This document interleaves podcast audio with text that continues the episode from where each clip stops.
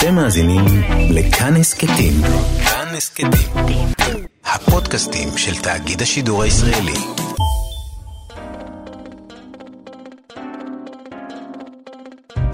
This victory here is the beginning of the end for Donald Trump. I cannot do my job here at the department uh, with a constant background commentary that that undercuts me. I don't think those words reflect what um, how I led the most diverse city in the nation, and uh, I apologized for the uh, practice and the pain that it caused.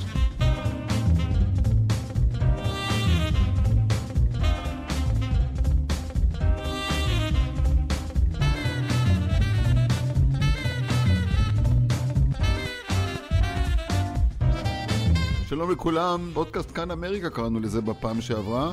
נתן גוטמן בוושינגטון, שלום נתן. שלום יגאל, שלום לכולם. אסף אה, זלינגר חברנו כאן כמה בלוקים ממני בניו יורק, שלום אסף. שלום שלום. ומקיימברידג', בוסטון, מסצ'וסטס, מצטרף אלינו שאול אמסטרדמסקי, אהלן שאול. אהלן.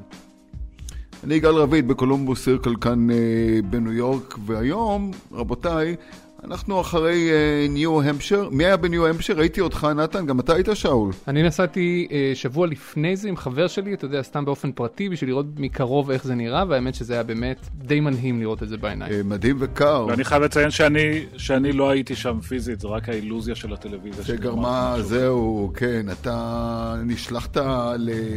לפריימריס של אולמרט, ראיתי. כן, סיפורים מתחרים, ואנחנו יודעים מה הציבור הישראלי רוצה יותר. The whole country is not only looking at New Hampshire, in fact, the whole world. וזו אחת הנקודות שאולי כדאי אפילו ככה, אם כבר הזכרת את זה, כל הזמן אנחנו אה, מאשימים את אתכם, הכתבים, העיתונאים, האורחים, וגם את השדרנים והמגישים, בזה שאנחנו מאוד מאוד קרטנים, פרובינציאליים, עסוקים רק בעצמנו, קרובים אצל עצמנו, ולא מתעניינים מה באמת, באמת, באמת קורה בעולם, אלא אם כן יש איזו נגיעה ישראלית או יהודית. אז אה, בואו נראה שאנחנו לא כאלו.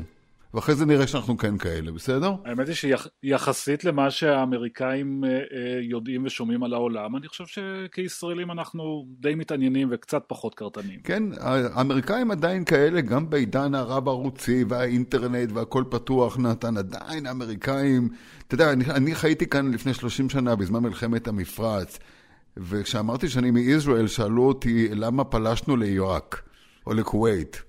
או דברים כאלה.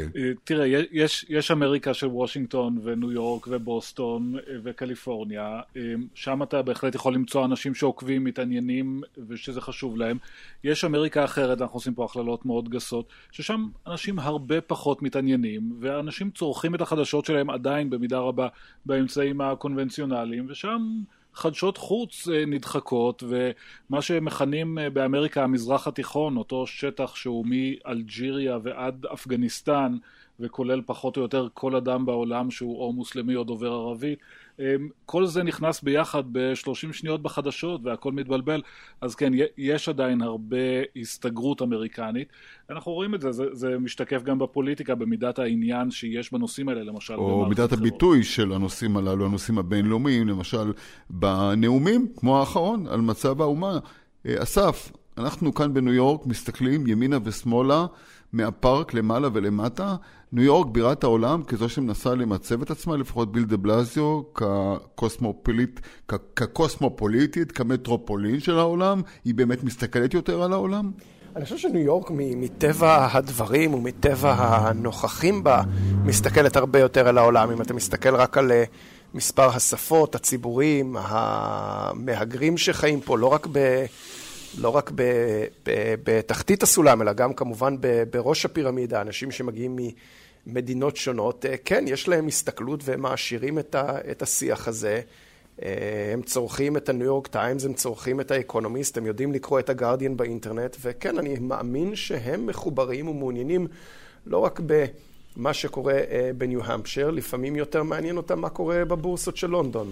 שאול אמסטרדמסקי, בוא תזכיר לנו, מה אתה עושה כאן בבוסטון? אני נמצא בבוסטון בעצם השנה השנייה. בשנה שעברה השתתפתי כאן בתוכנית בינלאומית של עיתונאים, מביאים עיתונאים מכל העולם לשנה בהרווארד, גם בשביל להעשיר ולהתעשר, וגם בשביל, אה, אתה יודע, קצת לנקות את הראש ולחשוב על אה, דברים קטנים כאלה, כמו איך אה, עושים עיתונות בשנת 2020, כשהנשיא קורא לעיתונאים אויבי המדינה, וכשהמודל העסקי של העיתונות פחות או יותר קורס בכל העולם. Uh, והשנה אשתי לומדת כאן לתואר שני, אז אני uh, נמצא איתה, ובקיץ אנחנו חוזרים לישראל. תובנות שלך, יש חיות כיס גם באמריקה? יש הרבה חיות כיס uh, באמריקה, אבל אני לא בטוח שאם לזה התכוונת, אבל אני אקח את זה לשם בכל זאת.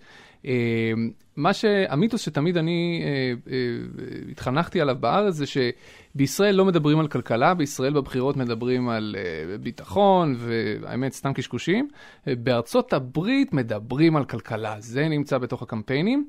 והופתעתי לראות עד כמה המיתוס הזה הוא מאוד מאוד חלקי. זה נכון שמועמדים כמו ברני סנדרס למשל, לגמרי רצים על הטיקט הזה, וזה העניין המרכזי שעליו הוא רץ, הוא ואליזבת אה, וורן, אבל הרבה מועמדים אחרים, הכלכלה היא רק עוד נושא אחד ולא מרכזי במיוחד אה, במסרים שלהם, ג'ו ביידן כזה, בעצם כל ה... אה, כמו שהם קוראים לעצמם, ה-moderates, היותר... אתה בטוח שאול, אתה בטוח, הרי, הרי אה, אה, אה, ג'ורג' בוש, mm-hmm. הבן, mm-hmm. אחרי הניצחון המדהים שלו, ב-91 אחוזי תמיכה אחרי מלחמת המפרץ, הפסיד לקלינטון ב-92, אולי גם קצת, קצת בגלל רוס פירו, אבל it's the economy, לא? זה לא it's the economy? תראה, זה היה אז, ואולי באמת צריך אבטלה ומיתון בשביל שזה יקרה, אה, אבל מאחר שאנחנו לא נמצאים כרגע בכאלה, אה, האבטלה בסך הכל מאוד נמוכה, הצמיחה יחסית בסדר, גם בארה"ב, גם בישראל. זה כמעט נון אישיו, זאת אומרת, הם מזכירים קצת... אה, לא, אז אני שואל אותך את השאלה ההפוכה. צודק הנשיא טראמפ, גם בנאום, גם בין השאר, גם בנאום על מצב האומה, שהוא אומר, המצב הכלכלי, אני עשיתי את אמריקה great, בוא נשאיר אותה great. Keep America Great, והמצב שלנו הכי טוב ever, וסליחה על השימוש במילים באנגלית, ככה אתה יודע, כאילו אמריקאי שחי פה 40 שנה ישראלי? לא, חד משמעית לא. זאת אומרת, כשמסתכלים על הגרפים אה, ארוכי הטווח, אז רואים ש... המגמות של ההשתפרות של המשק האמריקאי התחילו לחלוטין בתקופה של אובמה, פשוט לקראת תום הכהונה שלו, וטראמפ כרגע פשוט גורף את הפירות. הצעדים שהוא עשה למשל בתחום המיסוי לא הזניקו את הכלכלה למעלה מי יודע מה, הם בעיקר גרמו ל... אה, להרבה בעלי מניות פשוט להתעשר. אה, לא, אין שם איזשהו, זה לא ש... הדבר המרכזי שהוא כן עשה לכלכלה זה הוא הכניס המון אי ודאות באמצעות אה, מלחמת הסחר עם סין, זה, זה בטח לא דבר טוב.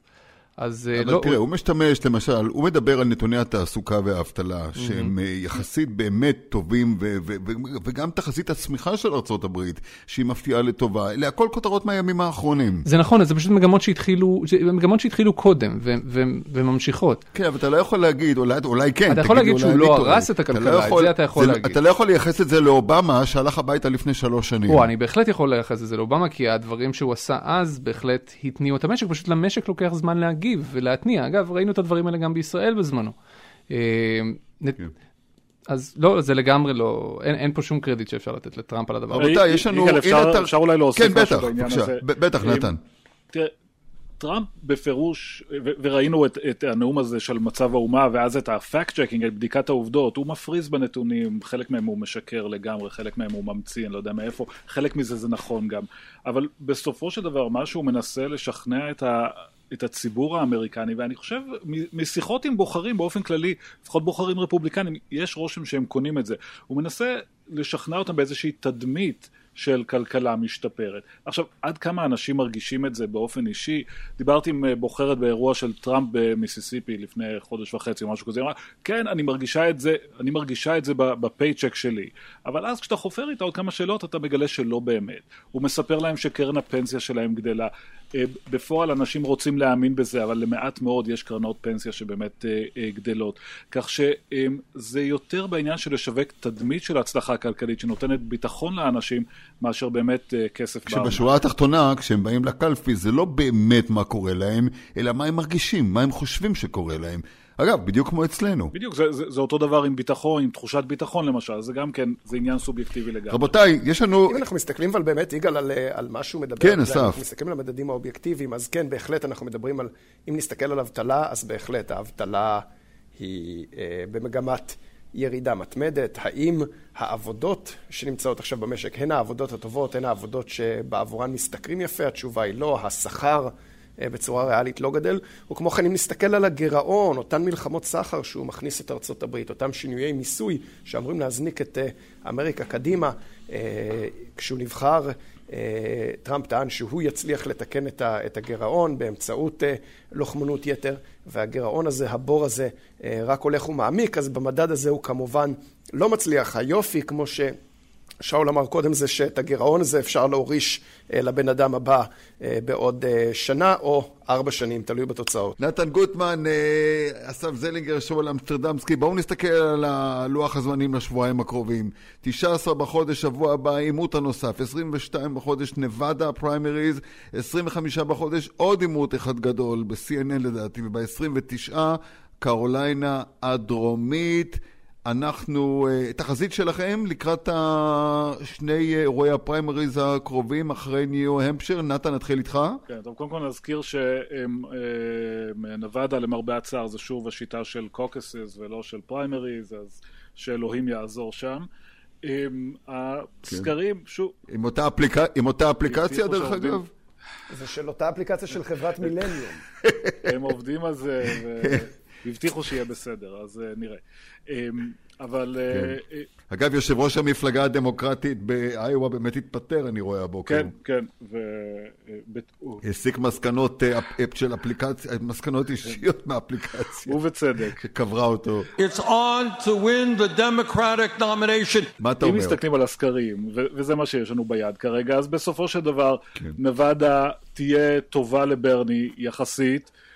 קצת יותר טובה לביידן כפי שצפוי, כי בכל זאת יש שם קצת ועדי ארגוני עובדים, ועדים, זה יכול לעזור לו, טובה גם לקלובשאר, אבל אנחנו לא יודעים עדיין לעמוד איפה בוטיג'אג' עומד בעניין הזה. יותר מעניין להסתכל קדימה, כמובן ששווה להסתכל על העימותים כי בהם גם אלמנט בלומברג נכנס לתמונה, בלומברג חטף לא מעט ביומיים האחרונים אחרי שהתגלו הקלטות שלו שמעלות, שמציבות סימן שאלה על היחס שלו לאפריקנים אמריקנים.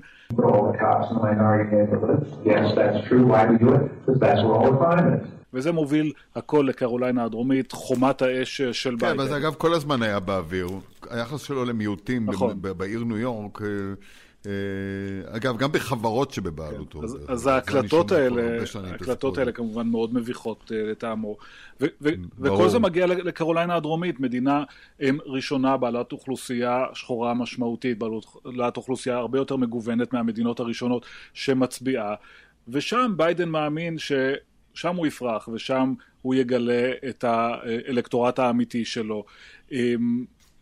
קשה לאמוד כרגע, סביר שהוא בוא, יצליח שם, אבל קשה לאמוד. בוא, בוא, בוא נסתפק, בוא נסתפק בטווח המיידי, אמרנו שבועיים הקרובים עד סוף החודש, אנחנו מן הסתם ניפגש ונדבר שוב לקראת תחילת החודש הבא והסופר טיוזדי הגדול. שאול, איך אתה רואה את זה? A campaign that some said shouldn't be here at all has shown that we are here to stay. אני חושב שהדמות הכי מסקרנת כרגע היא, היא פיט בוטיג'אג' ולראות אם הוא מסוגל להמיר את ההון הפוליטי שהוא צבר באיואה ובניו-המפשר קדימה, שתי מדינות שלא מייצגות בכלל את אמריקה האמיתית, אם יש דבר כזה בכלל אמריקה האמיתית, כי הן מדינות מאוד מאוד לבנות.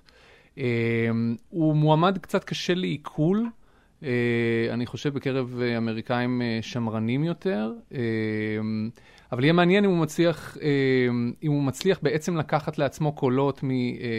מביידן וממועמדים מרכזיים אחרים, בהנחה שסנדרס ימשיך להתחזק, ובעצם כל מי שלא תומך בסנדרס יצטרך להתמרכז לכיוון מועמד אחד ולא לפזר את הקולות אה, על פני כמה מועמדים. אה, אני אישית לא חושב שלביידן יש הרבה סיכוי, אני חושב שה, אה, שהשיא שלו מאחוריו, אה, באירוע לפחות שהייתי שלו, לא הייתה הרבה אנרגיה, זה היה משהו מאוד... אה, כן, אנחנו נדבר איתכם על ביידן, אני תכף נדבר על ביידן. אסף, יצא לך להסתובב ברחוב, לראות את הכותרות, אתה גם לא צריך להסתובב ברחוב, אתה יכול גם להיכנס לאתר, אבל זה ברחוב, ברחוב הזה בעלת נורא, כי זה, כי זה תמונה ענקית, תמונה ממש גרועה של ג'ו ביידן, על שער הניו יורק פוסט אתמול, העליתי לכם את זה בקבוצה. אה, מכל הדבר, מכל מה שקרה בניו-המפשר, שזה, שזה בסוף, מי זה היו בסוף? זה היו ברני בראש ופיט בוטיג'אג' אחריו, הניו יורק פוסט, תמונה מאוד אכזרית, אומר, אה, פשוט אמרו לא לג'ו. ג'ו, פשוט אומרים לך לא. אתה גם חושב? כן, give it up, ג'ו. בדיוק, משהו אז כזה. באמת הסיפור, תראה, הדבר, הדבר מדהים בג'ו ביידן, באמת, שימו, שימו לב דרך אגב, שלפני שבוע דיברנו פה על אליזבת וורן, אנחנו, אנחנו החלפנו אותה עכשיו באימי קלובשר כן. בתור מועמדת, אבל הדבר המדהים בג'ו ביידן, זה בן אדם שנכנס כ, כפייבוריט אה, אה, אה, למרוץ הזה. ולא מצליח לגייס את התמיכה, ולא מצליח למצוא את המומנטום שלו, ולא רק זה, הוא גם כל הזמן מתקן את ה... מתקן עמדות. חטפתי ב...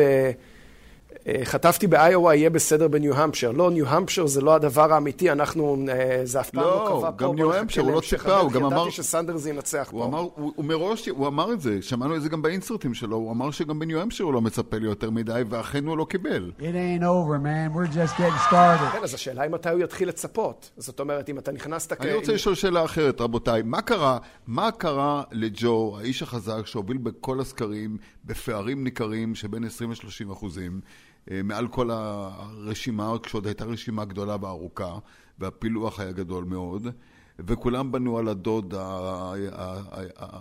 האיש שאוהב, שמחבק, שנוגע, אולי אפילו יותר מדי, אה, שהיה סגן נשיא, הפייבוריט. מה קרה לו, רבותיי? למה הוא נשחק ככה? מה שקרה לו, ואני, ואני לא בטוח ש, שאנחנו כבר בשלב שצריך להספיד אותו, אבל מה שקרה זה בסופו של דבר... מה ש... הוא כרגע שחוק. כן. נתן, הוא מה- שחוק מה- כרגע. מה שקרה לו זה גם מה שקרה במידה מסוימת להילרי קלינטון, זה הסירוב הזה להבין שהדמוקרטים של פעם, שהממסד הזה, שהאנשים שצמחו בתוך המפלגה ושמייצגים את הזרם המרכזי ושנשענים על בסיסי הכוח ה- הישנים של המפלגה, אמ, צריך להכיר בזה שזה כבר לא המשחק, ואתה... אי אפשר להתעלם מהמספרים שברני סנדרס מביא בעקביות ומהאנשים שהוא מוציא לקהל. אי אפשר להתעלם מתופעות כמו של בוטיג'אג' או של אנדרו יאנג. יש קהל אחר במפלגה הדמוקרטית וזה לא האנשים האלה רק מהעשירון העליון, הלבנים, האנשים שתורמים הרבה שנים למפלגה, שהם הבסיס. יש קולות אחרים שם וביידן הוא הקורבן הנוכחי של זה. אני חושב שגם אחד אחד ויש עוד סיבה אולי, רבותיי, זה- תגידו לי, שנייה, אני- שנייה, שנייה, אסף, אני רוצה להעלות עוד נקודה, והיא נקודה שאולי כדאי לתת עליה את הדעת. אנחנו כבר שבוע ימים מאז ההצבעות בסנאט על האימפיצ'מנט, לא שמעתם את המילה אוקראינה. השאלה אם באמת פרשת הבן של ג'ו ביידן, היא באמת זאת שבסופו של דבר פגעה באמת, כמו שטראמפ בעצם רצה, שזה יפגע באבא. אני לא חושב, אני לא רואה אה, סימנים אה, לזה, אני לא חושב, זה, זה משהו שאתה יודע, אולי בבחירות הכלליות, אם הוא איכשהו יהיה מועמד, זה יעלה, אבל אני לא חושב שזה פגע בו אצל דמוקרטים. אולי דמוקרטים אוכלים... לכן שהרדיפה הזו כן סייעה לו, זאת אומרת, התחושה שהוא נרדף על ידי טראמפ הופכת אותו, מסמנת אותו, אם הוא מטרה של טראמפ, כנראה שיש אה, לטראמפ ממה לפחד ממנו, ולכן זה דווקא כן אולי נתן לו איזשהו פרסום חיובי בחינם, לפחות בעיני הדמוקרט אה, אה, שמתייצב להצביע. כן, אבל אתה יודע, גם טראמפ בעצמו, בסופו של דבר, במקום להינזק מפרשת האימפיצ'מנט, לפי כל האינדיקטורים הוא רק מתחזק, ראה את האירועים אה, מאתמול והיום. אבל בואו נסכם את... אה, רצית, אסף, רצית... רצ- מי זה היה, אסף כרגע? אני רוצה כן להגיד כן. שאני אני כן חושב שמה שקורה פה, משהו מאוד מעניין קורה פה אה, עם, עם הנשים במרוץ. אה, ואני חושב שיש הרבה, ש, כמו ש, שנתן אמר קודם, נמשיל את מה שקורה אה, היום למה שקרה בעבר עם, אה, עם אה, הילרי קלינטון אה, והמרוץ אה, יותר רפובליקאי. זאת אומרת, הרפוב... הדמוקרטים השנה קצת מזכירים את הרפובליקאים במספר. המועמדים שנכנסו למרוץ הזה. באמת כרגע אנחנו רואים את, ה... את המין אה, את יישור שורות הזה שמתייצבת, אה, מתייצב הפלוטון, הקבוצה שרוכבת מקדימה בראש המרוץ, כרגע זה סנדרס ובוטיג'אג', אבל אני כן חושב, וכן שומעים לפחות בקולות ובשיחות, שכן יש הרבה מאוד אנשים שהיו תומכים באימי קלובשר ובאליזבת וורן, הם רק א', מפחדים מאוד מסינדרום קלינטון, שנקרא לו אה, אה, להצביע לאישה, וב', בגלל שלא שומעים עליהן מספיק, זאת אומרת, זה מייצר איזושהי עילה שלא צריך להצביע להן. אז אני כן חושב שיש כאן איזשהו חוסר נאמנות וללכת על ה... מבחינת הבוחרים, ללכת על, ה... על המועמד הבטוח, אה, ובשיקול הזה לפסול את השתיים הללו, שבאיזשהו מקום גם יש להן כן מושבים מאוד מכובדים בסנאט שיעזרו לדמוקרטים אה, גם אה, בקדנציה הבאה.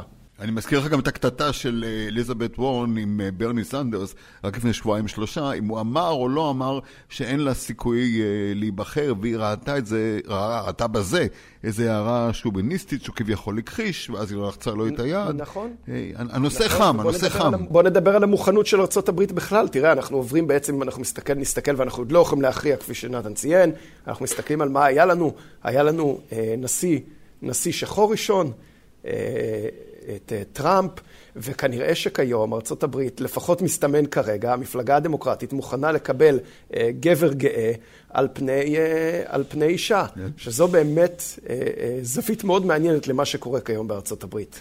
רבותיי, ברני סנדרס. My view of democratic socialism builds on the success of many other countries around the world who have done a far better job than we have in protecting the needs of their working families, their elderly citizens, their children, their sick, and their poor. הסוציאליסט, כן, המושבע. ודרך אגב, אם נהיה טיפה קרובים אצל עצמנו, האיש שאומר, אני, יש לי ביקורת קשה על ממשלת נתניהו, על ממשלת ישראל. הנה, אני יהודי בעצמי, ואני אומר, ממשלת ישראל גזענית. אבל זה כרגע לא פקטור בסיפור הזה. אני רוצה לדבר רגע, שאול, על הסוציאליזם שלו, על, על ברני הסוציאליסט שאמור לשמש דגל אדום תרתי משמע מול המצביעים. והנה, זה לא, זה לא, הוא פשוט האיש שהאיש היחיד שאיים על הילרי קלינטון הפעם הקודמת הוא זה שכרגע בעצם מוביל. נכון לרגע זה. זה נכון, אז בוא, נשים שנייה כמה דברים בפרופורציות. כשאתה אומר שברני סנדרס הוא סוציאליסט, זה נכון שהוא מגדיר את עצמו ככה, אני חושב שזה נורא תלוי למה אתה משווה את זה. אם אתה משווה את זה, זאת אומרת, בסטנדרטים של ארה"ב הוא ללא ספק סוציאליסט, בסטנדרטים שלנו, אה, לא כל כך. בטח לא בסטנדרטים של אירופה. כן, אבל הוא לא רץ אצלנו בינתיים, הוא רץ כאן, שאול. צריך לשים את זה איפשהו פרופורציה, הוא לא קורא להלאים את כל אמצעי הייצור או איזשהו משהו כזה. דבר שני, זה נכון שהוא גרף איזשהו מומנטום שבוודאי יעזור לו בהמשך. אני לא בטוח עד כמה הוא יצליח להלהיב את כל המצביעים של המפלגה הדמוקרטית. יש בכל זאת מחנה שמרני די גדול בתוך המפלגה הזאת. שלא מתלהב מהאפשרות שיבוא נשיא ויעלה להם מיסים. ואגב, אני די בטוח שאם הוא בסופו של דבר כן יהיה המועמד של המפלגה, יהיה לו מאוד מאוד קשה מול טראמפ. זו, זו הערכה אישית שלי, אני לא חושב שהוא יכול לקחת על טראמפ, באמת מספיק שפשוט הרפובליקנים ינגנו על העניין הזה של המיסים. ואני חושב, ש... ואני חושב שלמצביעים יהיה מאוד קשה להצביע עבור בן אדם שממש דקלרטיבי. אני רוצה שנשאר עוד רגע איתך, שאול, אני רוצה שנראה, לנצל פה ככה את ההיכרות שלך עם הנושאים הכלכליים mm-hmm. באמת, שזה היתרון היחסי שלך עלינו. אתה אומר, הוא סוציאליסט במושגים, בערכים, במונחים אמריקאים, בוודאי לא במושגים הישראלים mm-hmm. ובתיאוריות הכלכליות שאנחנו מכירים. מהו הסוציאליזם של ברני בעצם? תראה, הוא מציע דברים שאנחנו למשל כישראלים לוקחים כמובן מאליו, כמו ביטוח בריאות ממלכתי. זה אחד הטיקטים המרכזיים שלו, Medicare for All, בארץ לכולם יש את זה, ולכן מבחינתנו זה, זה כמעט נון אישיו.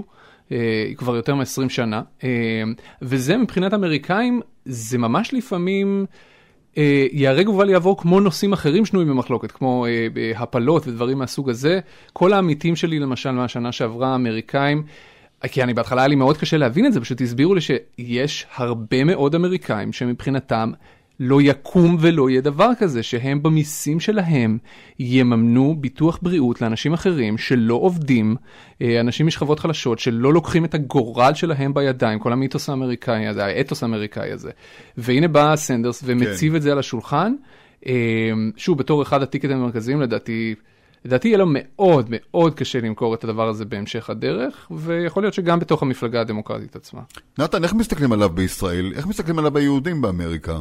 שגם זה קשה לפלח, כי יש, יש לך אייפאק ויש לך ג'יי סטריט, אבל איפה, איפה היום, איפה, איפה ברני והסכסוך במזרח התיכון? קודם כל, היהודים האמריקנים לא מצביעים עבור ברני סנדרס, ותופעה די מפתיעה, כשאתה חושב שיש מועמד ריאלי יהודי, הקהילה לא מצביעה בשבילה, אבל לא בגלל ישראל. זה לא מה שמטריד אותם, מה שמטריד אותם זה ענייני מעמד, class, בסופו של דבר היהודים האמריקנים. רבים מהם נמנעים, נמנים על השכבות העליונות בחברה שייפגעו מהתפיסה הכלכלית של ברני סנדרס, זה מה שמפריע להם אצלו.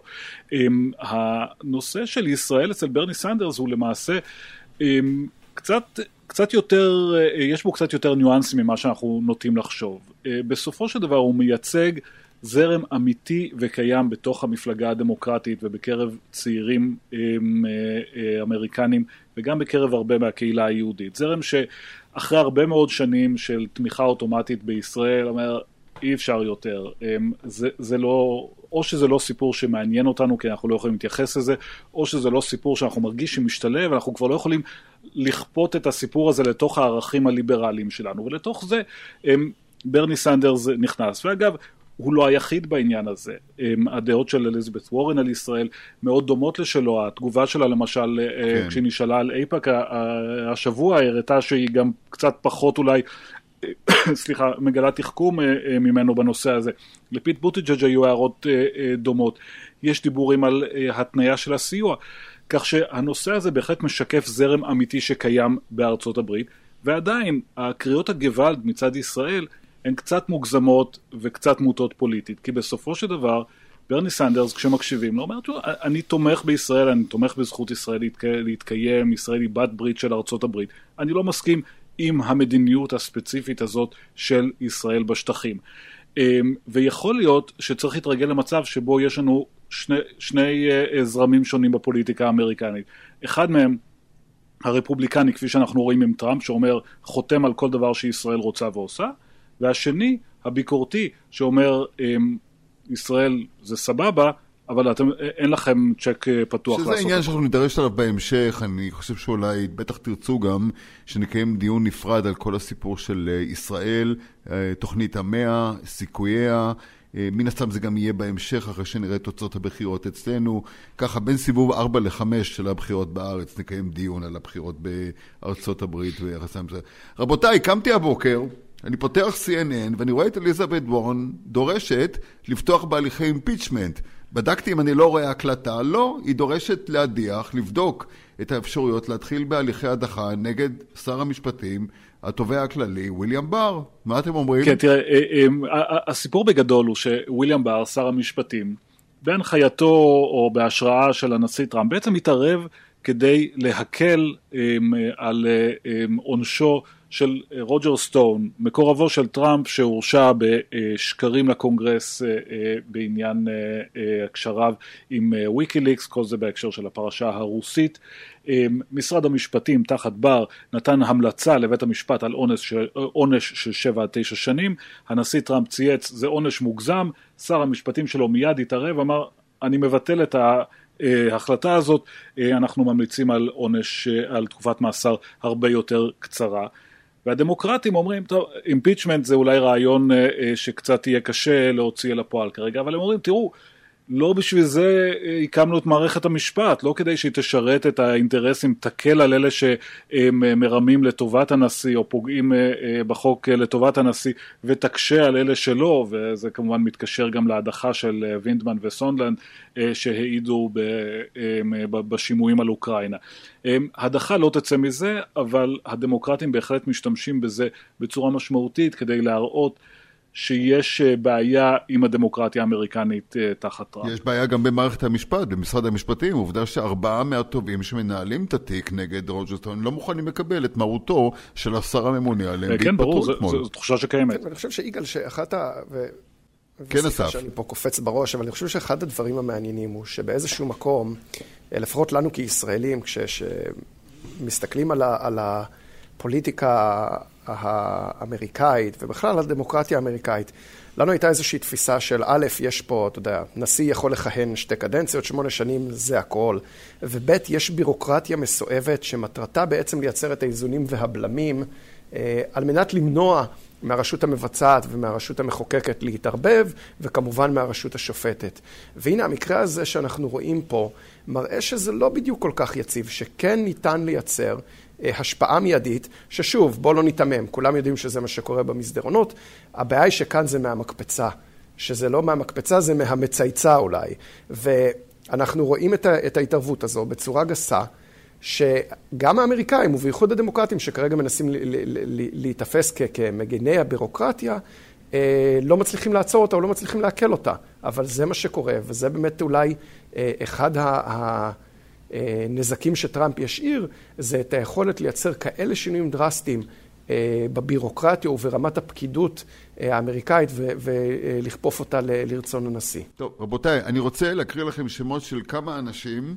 תגידו לי מה המשותף. ג'ון בולטון, היועץ לביטחון אה, לאומי, אה, פטריק שנן, שר ההגנה לשעבר כבר אולי, אה, רנדולף אלס, ראש השירות החשאי, סטיב גוטליב, ראש ה-FDA, ג'ים מטיס שהיה שר ההגנה, ג'ף סשנס שהיה שר המשפטים, דייוויד שולקין, אנדרו מקייב, רקס טילרסון המפורסם, שר החוץ, וכמובן רשימה ארוכה שמגיעה עד מייקל פלין, היועץ לביטחון לאומי, וג'יימס קומי, ראש ה-FBI, אתם כבר יודעים לאן אני חותר. ג'ון קלי הוא האחרון ברשימה. אנשים, לאן זה הולך? אנשים שהודחו על ידי טראמפ, אנשים שהעזו לדבר נגד טראמפ. כן, כן, כן, כן, כן, כן.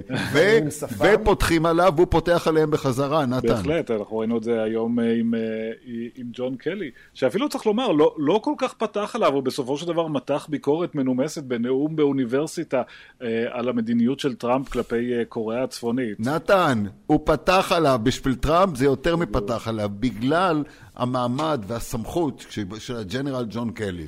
זה נקרא לפתוח כן, עליו. והתגובה שהוא קיבל כמובן הייתה תגובה טראמפית טיפוסית, ראיתם את הציוצים אה, שלו, אה, אה, זה שהעפתי את, אותו מהתפקיד וחבל שלא עשיתי את זה יותר מוקדם וש, ושקלי מתגעגע לאקשן בבית הלבן. כן, אי אפשר למתוח ביקורת על הנשיא הזה מבחוץ, מבפנים, זה לא משהו שמתקבל. שאול, בשיחה הראשונה שלנו לפני שבוע, כל אחד מאיתנו נדרש לניחושים, כל אחד גם כמובן התנצל והסתייג ואמר שהוא תמיד טועה ומפספס, אבל uh, מכיוון שאתה הצטרפת אלינו עכשיו, נבקש גם ממך איזושהי תחזית, ניחוש שלך בראייה יותר כוללת. סוף, uh, אמצע פברואר, אתה מסוגל להעריך מי יהיה מועמד הדמוקרטי? לא, אני חושב שזה עדיין מאוד מאוד מוקדם, כי אה, זה לא כל כך חשוב מה ננחש, אני חושב שבסופו של דבר לתוצאות עצמן יש השפעה על התוצאות בהמשך, אה, כמו שאנחנו יודעים. כי, אתה יודע, אנשים רואים מישהו צובר מומנטום, ואז הם נוטים או להידבק אליו, או בכוונה ללכת לאיזשהו אה, קיצון אחר. אז גם אין אה, טעם לשאול אותך אם אתה רואה בנובמבר את אה, טראמפ ופנס שוב, הטיקט שלהם מנצח שוב. אה, זה בסדר, אני חושב שכן, אני חושב שהם כן, ינצחו. בכל כן. מקרה, מהמם. טוב, זה כן, זה בכל, כן. לא חשוב מי, כן, כן. אז בוא זו נדבר. רגע על טסלה, על תופעת יאללה. אה, טסלה, זה העניין הנוסף שרצינו. אלא אם כן יש לכם עוד איזה משהו בעניין הפוליטי. רק, רק לציין שאיתנו אתה היית פחות אה, אה, רך אה, כשאותנו לחצת ל- לתת ניחושים. עם שאול, אני לא יודע מה... תשמע, הוא צעיר, אנחנו רוצים ככה להתייחס אליו, זה מקרוב בא, אתה יודע, נותנים לו חסד של אה, ראשונים. הוא צעיר, תן לו לגדול. אה, רבותיי, טסלה כותרת ממש מהשעות האחרונות, התופעה המטורפת הזאת, עם האיש המטורף הזה, אילון מאסק, מגייסת עוד שני מיליארד דולר, שבועיים אחרי שהוא אומר שהוא אינו זקוק לכך. אה, שאול, איש הכלכלה שלנו, תן לנו, תתרגם לנו את זה, את הכותרת הזאת. תראה, שני מיליארד דולר בשביל טסלה זה לא הרבה מאוד כסף. אה, אני לא אני לא יודע עדיין להגיד לך בדיוק בשביל מה הם צריכים את הכסף, אבל אה, טסלה היא תופעה מרתקת כי היא לא, זה לא רק טסלה, יש עוד כל מיני חברות כאלה שבעצם השווי, ה- בתשובה לשאלתך, אני בודק פה, זה אמור אה, לכסות עלויות אה, תפעול ואינבסטמנט של יצרני, של ה-electric car production. בקיצור, אה, חזויות להגיע השנה עד שלושה וחצי מיליארד דולר ההוצאות. בקיצור, לשאלתך. בוא נדבר רגע על תופעת טסלה באמת, סליחה. אז זהו, אז, אז טסלה אני חושב היא עומדת בשורה אחת עם כל מיני חברות שבעצם השווי האדיר שהן מגיעות אליו תוך גם זמן קצר יחסית וגם בהיקף פעילות יחסית נמוך ביחס למתחרות שלהם, אה, אה, זה בעצם כי אה, המשקיעים בעצם מסתכלים על החברות האלה ורואים את העתיד. ואת העתיד נורא קשה לתמחר, נורא קשה להבין כמה שווה חברה שהיא כרגע החברה המובילה בעולם בייצור כלי רכב חשמליים, כמה היא שווה בשנת 2050, איך נראה העולם בשנת 2050. ולכן במניות כמו של טסלה וכמו של חברות נוספות, כמו של ביונד מיט למשל, שמייצרת בשר שהוא לא בשר, אה, ושל חברות אחרות, בעצם אנחנו רואים איזושהי תנועה של מטוטלת. אה, יש תקופות שפשוט המשקיעים באמת נוהרים אל המניה ומרימים אותה נורא למעלה, כמו שאנחנו רואים עכשיו, ויש תקופות ארוכות של התרסקות, כפי שכבר חווינו במניה של טסלה בעבר. מה, מה זה התנודתיות המטורפת הזאת? בשבוע האחרון, שאול, נכון, היינו- בדיוק. היינו- עלינו 18, מה- מה- ירדנו מה זה- 20. מה זה הטירוף הזה, עמל המטה הזה? למה? מאיפה זה בא? אז, אז זה מגיע מכל מיני מקומות. זה מגיע דבר ראשון ממשקיעים לא מתוחכמים, אה, סתם אנשים שלא, שאתה יודע, לסחור בשוק ההון זה לא המקצוע שלהם. אבל הם רואים עוד ידיעה בעיתון על טסלה, וקוראים עוד איזה ציוץ על טסלה, ושומעים עוד משהו מחבר שלהם על טסלה, והם פשוט הולכים וקונים מניה טסלה. אה, והדבר הזה מעלה את הביקוש כלפי מעלה, גם אם אין לו הצדקה אמיתית. אה, חלק מזה זה משקיעים קצת יותר מתוחכמים, אבל הם לא בהכרח סוחרים לטווח הרחוק, יכול להיות שהם סוחרים לטווח הקרוב, ואז כשהציבור נכנס וקונה מניות אז הם יוצאים החוצה ואז המניה תתרסק. בקיצור, אני כן חושב שהחברה הזאת כן מבשרת משהו על העתיד, היא ללא ספק לקחה את כל תעשיית הרכב למקום אחר לחלוטין, כי היא הוכיחה שאפשר לעשות רכב חשמלי אה, באופן מסחרי לציבור הרחב, לא רק במכוניות יוקרה, זו הייתה הבשורה האמיתית בעצם של טסלה. אה, כך שהיא כן מבשרת את העתיד. האם בסופו של דבר, אתה יודע, זאת תהיה החברה הבלעדית שתייצר כלי רכב חשמלי? ממש לא, כל האחרות כבר, הגדולות כבר עושות את זה, ולכן אנחנו נראה הרבה למעלה ולמטה במניה. תשמע, אתה רואה... אתה רואה כל מיני כותרות שאני, המשקיע הקטן, אתה יודע, איש שרוצה לשים כמה גרושים פה או שם, אתה רואה טסלה כבר יותר גדולה מפולקסווגן אאודי, יותר גדולה מיונדאי, mm-hmm. קאיה, פורד וג'נרל מוטורס ביחד. למה שאני לא אשים? מה יכול להיות? תראה, בוא אני אתן לך עצה כחבר, לעולם אל תשקיע במניה ספציפית. אלא אם כן יש לך כמויות בלתי נדלות של כסף מיותר. מה שאני מעריך שאין לך, כי לאף אחד מאיתנו אין, אל תעשה את זה. יש לי ממענק הפרישה מרשות השידור. כן. אה, אני, אני ממש ממליץ בחום. ומהפנסיה. ממליץ כן. בחום לא להשקיע אף פעם במניה ספציפית. לא חשוב אם זה טסלה או שזה אמזון, פשוט לא.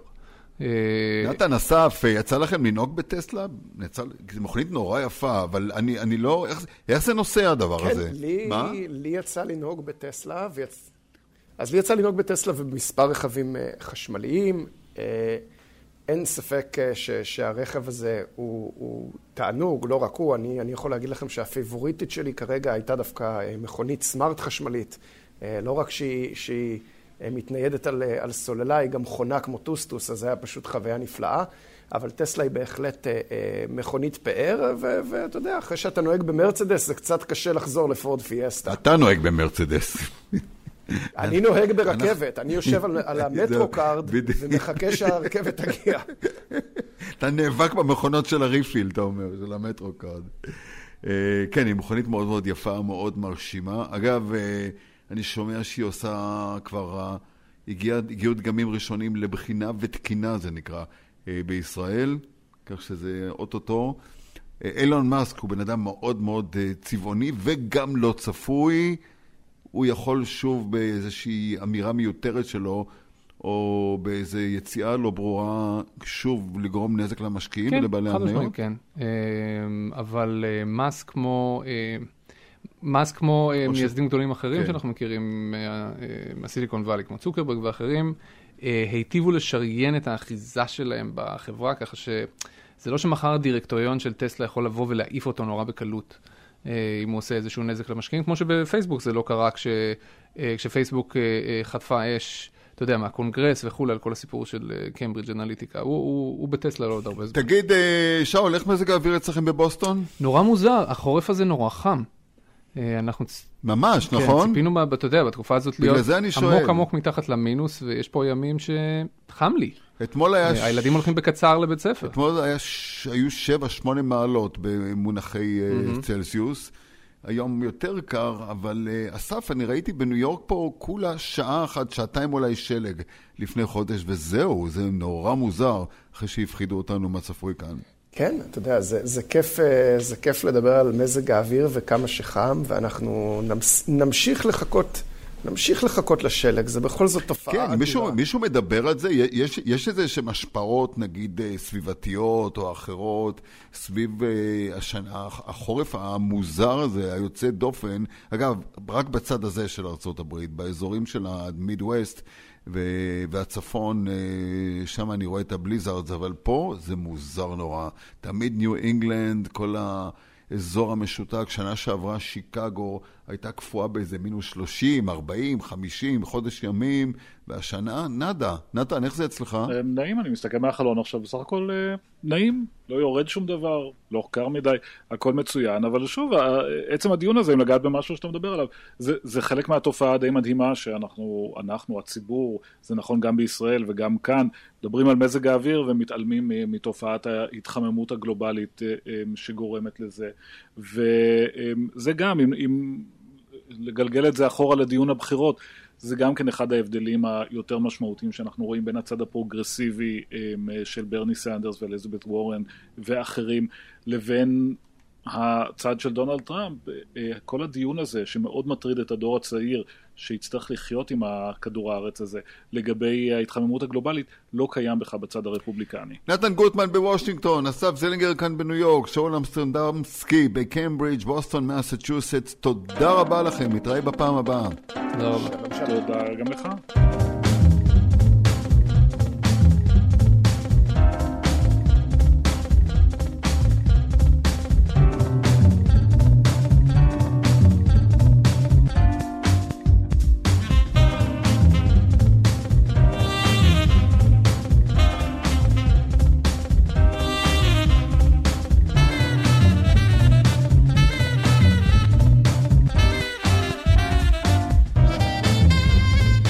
בצד השני, כאן במנהטן, אני יושב אה, למרבה הצער באפר ווסט סייד, שזה המקום הכי כיפי להיות בו, אני חייב להודות לכם, קרוב מאוד לקולומבוס סירקל, על הלינקולן סנטר, הפארק מאחוריי ומצידו השני של הפארק, באפר איסט סייד, דוקטור ג'ודי הלמן, שלום ג'ודי. שלום יגאל. גילוי נאות, אנחנו חברים הרבה שנים, גם דרך חברים אה, משותפים, אבל אין לנו שום קשר עסקי או משהו.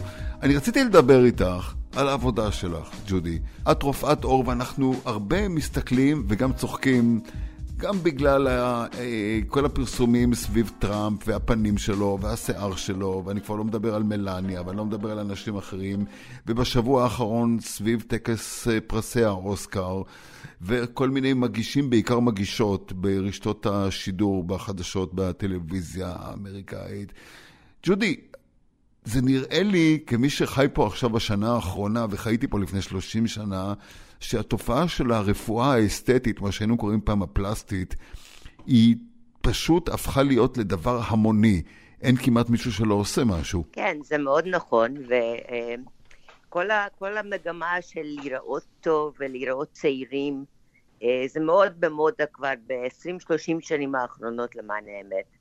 וזה כל הזמן הולך ונהיה יותר ויותר uh, מפותח, מכיוון שאנחנו עברנו מהתחום של הניתוחים הגדולים כן. לטיפולים כן. קטנים שאפשר לעשות למניעה בגיל יותר צעיר, עם השקעה יותר קטנה, עם סיכונים יותר קטנים, בלי צלקות, ולשמור על המראה הטוב וגם על בריאות העור באופן uh, עקיפין כזה. טוב, בואי נתחיל מהסוף. כמה זה עולה?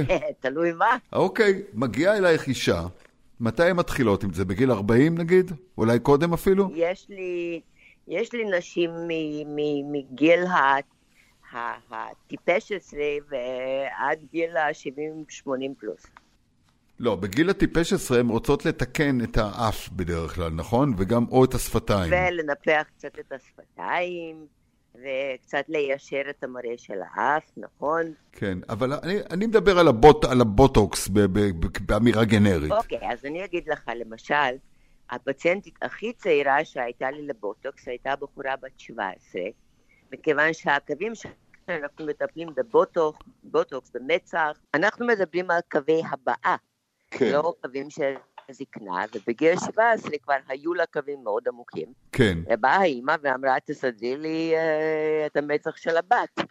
כן. שזה תופעות שאנחנו רואים גם בארץ, אבל כאן בארצות הברית. ואת, uh, צריך להגיד, לשבחך, את רופאה ידועה ומובילה הרבה אנשים, גם מפורסמים, שכמובן בגלל דיסקרטיות רפואית, את לא תגידי מי הם מגיעים אלייך, כמה זה עולה להם? את יודעת מה, לא, לאו דווקא אצלך. כמה עולה לאישה שנכנסת לגיל המעבר, אזור ה-40, 40 something, ורוצה להתחיל לשפץ את עצמה. על איזה סכומים היא צריכה להתחיל לחשוב שהיא תיפרד? אוקיי, okay, אז אני, אני קודם כל רוצה להגיד ש... או גבר, או גבר, סליחה, גם גבר. גם גבר, והרבה גברים עושים כל מיני טיפולים. אז קודם כל, כן. אני מקווה שכל מי שחושב על הטיפולים האלה ילך לרופא, ולא לאיזה מקום הפלאפ, שמישהו שלא כל כך יודע מה שהוא עושה, ומזריק איזשהו חומר שהוא לאו דווקא אולי מה שחושבים שהוא מזריק. עושה משהו במחירים אה, לא סבירים. כן, ואחרי שאמרנו את זה... כן, עכשיו היום במנהטן, היום במנהטן, באמצע מנהטן, איפה שאני עובדת, דברים כן. האלה מתחילים מה... נניח 600, 700, 800 דולר. למה, למזרק, למילוי, כן? כן? מדברים על מילוי, מדברים גם, גם על טיפולים של בוטוקס. כן. המילוי, רגע, רגע, מילוי, מילוי זה לא בוטוקס? סליחה על הבורות. בוטוקס זה דבר, זה נוזל שאנחנו מזריקים כדי אה, לעצור תנועה של שרירים מסוימים שמקמטים את האור. כן. מילוי זה חומר שמזריקים לאזור שקוע לתוך קמת, שהוא ממלא אותו, זה כמו לקחת חור בתוך החול ולמלא אותו מדהים. עם חול נוסף, כן? אז זה דברים שונים, אזורים שונים של הפנים. עכשיו, מי שחי בארץ, יש להם מזל, כי בארץ החומרים הם יותר זולים, ולכן הטיפולים יותר זולים. למה? למה, למה באמת? בארץ יש 80 אלף אה, חברות שיכולות למכור ולהביא מוצרים. אצלנו יש שלוש-ארבע חברות גדולות, יש להם מוניטין מאוד חזק. הם משקיעים הרבה כסף כדי לעשות את המחקר, והם לא, לא מוכנים למכור במחירים אה, סבירים. כמה עולה תחזוקה של בן אדם היום באזור, נגיד, חמ... עזבנו את 40, הגענו כבר לגיל 50-60. בן אדם, גבר או אישה, התחילו בסביבות גיל 40, אולי טיפה קודם, הגענו לגיל 50-60, הרי צריך כל הזמן לתחזק את זה, כן? אנחנו גם רואים, אנחנו גם רואים אומנים, באמת ראינו שחקנים, ראינו את רנה זלווגר, אפשר להגיד. ואתה רואה גם את ההבעה שלה משתנה במשך השנים. אתה רואה את סיגורני וויבר, אתה רואה אה, באמת שחקנים ואומנים, ואגב, לא רק הם, גם פוליטיקאים. אתה רואה את ג'ו ביידן, בואי, ג'ודי, אנחנו, אני מסתכל על האיש הזה, ואת יודעת, אני אומר, מה הוא חושב לעצמו? מה הוא חושב, לה, מה הוא עושה? מה הוא רוצה? ג'ו ביידן uh, הוא איש uh, מאוד חביב, שמדי פעם כמובן בטח הולך למישהו שהוא מכיר, וקצת פה ושם מזריק טיפה פה, מזריק... זה קצת? זה קצת מה שאני רואה? זה בין קצת לבין בינוני. מה זה הרבה? מה זה הרבה? הרבה זה כשעושים יותר מדי, הרבה כשמישהו לא נראה טוב, מישהו נראה מנופח, ומישהו נראה נפוח, ומישהו נראה לא הרמוני, אין הרמוניה בין הפרופורציות של הפנים. הבנתי. דוקטור, מה עושה דונלד טראמפ? את יכולה להגיד לי? אני אגיד לך את האמת, אני לא יכולה להגיד לך מה הוא עושה, כי הוא לא עושה את זה אצלי. במבט המקצועי שלך, דווקא בגלל זה אני שואל אותך, כי את ניטרלית, את מסתכלת ואת יכולה לתת לנו, אה, איך את אומרת, assessment, מה הוא עושה. כן, תראה, זה מעניין. אני חושבת שקודם כל, אה, אני הייתי מאוד מופתעת כשראיתי את התמונה שמסתובבת באינטרנט עם השיער הפרוע. כי אני לא כן. חשבתי שיש לו כל כך הרבה שערות משלו. טוב, אז אני כמקריח ותיק מודיע לך ששום דבר שם לא שלו, אבל עכשיו בואי... זה, אני עדיין לא הצלחתי, את יודעת, יש שם איזו קונסטרוקציה הנדסית, שבאמת אני אה, עוד לא הצלחתי לפענח, ואני מבין בה, וגם אצלנו דרך אגב בארץ, הרבה אנשים שעושים תעלולים בשיער, אבל uh, בסדר, אוקיי, הוא עושה מה שהוא עושה, הוא חושב שזה נראה טוב, לפעמים זה באמת מצחיק. מה, כן, הוא בעיקר מה... מסרק את זה מצד לצד, צובע את זה קצת. שמים לו שם קצת ככה ספרי שזה יעמוד במקום. אבל כן. מבחינת, ה, מבחינת הפנים, אני חושבת שהוא עושה דברים אה, מינימליים יחסית, קצת בוטוקס פה, קצת אה, מילוי אולי פה ושם. לפי דעתי הוא יכול היה לראות הרבה יותר טוב. מה, אם, אם הוא היה בא אלייך, את אומרת. אם הוא היה בא אליי, הוא היה נראה... President טראמפ, ג'ודי אלמן is waiting for you on the upper east side. It's, it's seven minutes from Trump Tower, כן, בדיוק. מה הוא היה צריך לעשות? כן, מה הוא צריך לעשות לפי דעתך? אז אם אתה מסתכל עליו מהצד קצת, ואתה רואה את הנפילה של האור, מישהו במצב שלו הכי הכי הכי אה, משתפר עם ניתוח. יש דברים שחייבים להרים, אין, אין, אין ברירה. אה, ואז אחרי ניתוח, כאשר הוא אה, מתחיל להתבגר עוד פעם, במשך העשר שנים הקרובות, אפשר פה ושם קצת מילוי, קצת למלא לו נפח. אנחנו מדברים הרבה על ווליום, על נפח של הפנים במקומות הנכונים, באזור האמצע הפנים, בצדדים של הפנים. זה, זה דברים ש... קטנים שאפשר לעשות, אבל למי, ברור. למי שרואים מהצד שזה נופל, שהצוואר מתחיל לרדת לכיוון הברך, זה כבר... שאלה אחרונה, בואי ככה איזושהי אמירה, אולי קצת במבט טיפה יותר רציני, הרי בסופו של דבר זה מדובר בעניין תרבותי. זה הפך להיות דבר שהוא חלק מההוויה הבין-אישית, האינטראקציה האנושית, החברתית, תרבותית באמריקה, אולי אפילו מעמדית. אה, זה statement ברגע שאתה מטופל. אה, תראה, זה מאוד מעניין. אני פעם התראיינתי בנושא של מה שקוראים לזה באמריקה The Rich Face, כן. העשירות. שזה כמה בן אדם משקיע בפנים ושיראו את זה, זאת אומרת המגמה כאילו להפך, כבר לא מסתירים, רוצים להראות לכולם שיש מספיק כסף כדי לעשות את זה למה שזה. כן. אני לא בעד זה, אני אישית לא בעד זה, אני חושבת שרופא צריך להיות לו שיפוט טוב.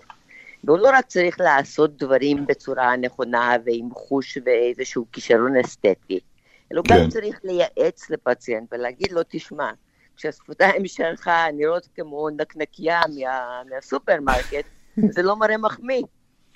אה, כן, כן. כסף לא קונה את הכל. הכסף, להפך, כן, לפעמים הוא כן. קונה יותר מדי. אה, כן, ואנחנו רואים גם את התוצאות, יש כמה טרגדיות, אני זוכר את ה... באמת כמה שחקנים. תראי, המקרה הכי קלאסי, זה גם, זה גם סרט קולנוע יש על זה, זה אחת הכוכבות, כוכבות הקולנוע הגדולות של הוליווד בשנות ה-40 וה-50, היידי למר, שפשוט, אה, אבל גם לא רק היא, גם אה, גרטה גרבו ומרלן דיטריך, שניסו לעשות אה, לעצמם כל מיני דברים, ואחרי זה הסתגרו בבית, כי לא יכלו לצאת החוצה בגלל הבושה. אבל זה היה, גרבו באמת נעלמה מהציבור. כן. ג'ודי אלמן, דוקטור ג'ודי אלמן, באפר איסט סייד כאן במנהטן, בשיחה הבאה, אני רוצה שתספרי לי איפה עוד אנשים עושים, לא רק בפנים. או, אז זה באמת כדאי לנו לעשות עוד שיחה, ומאוד כיף לדבר על הדברים האלה, ותודה רבה. תודה רבה לך, להתראות. תודה רבה לכם, נתראה בפעם הבאה.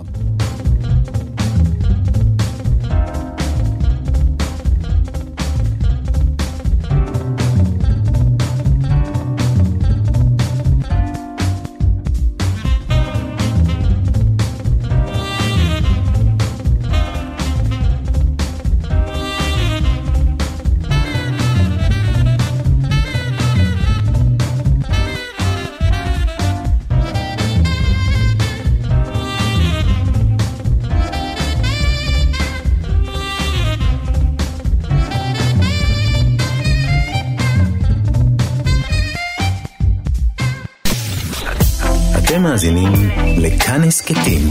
כאן הסכתים. הפודקאסטים של תאגיד השידור הישראלי.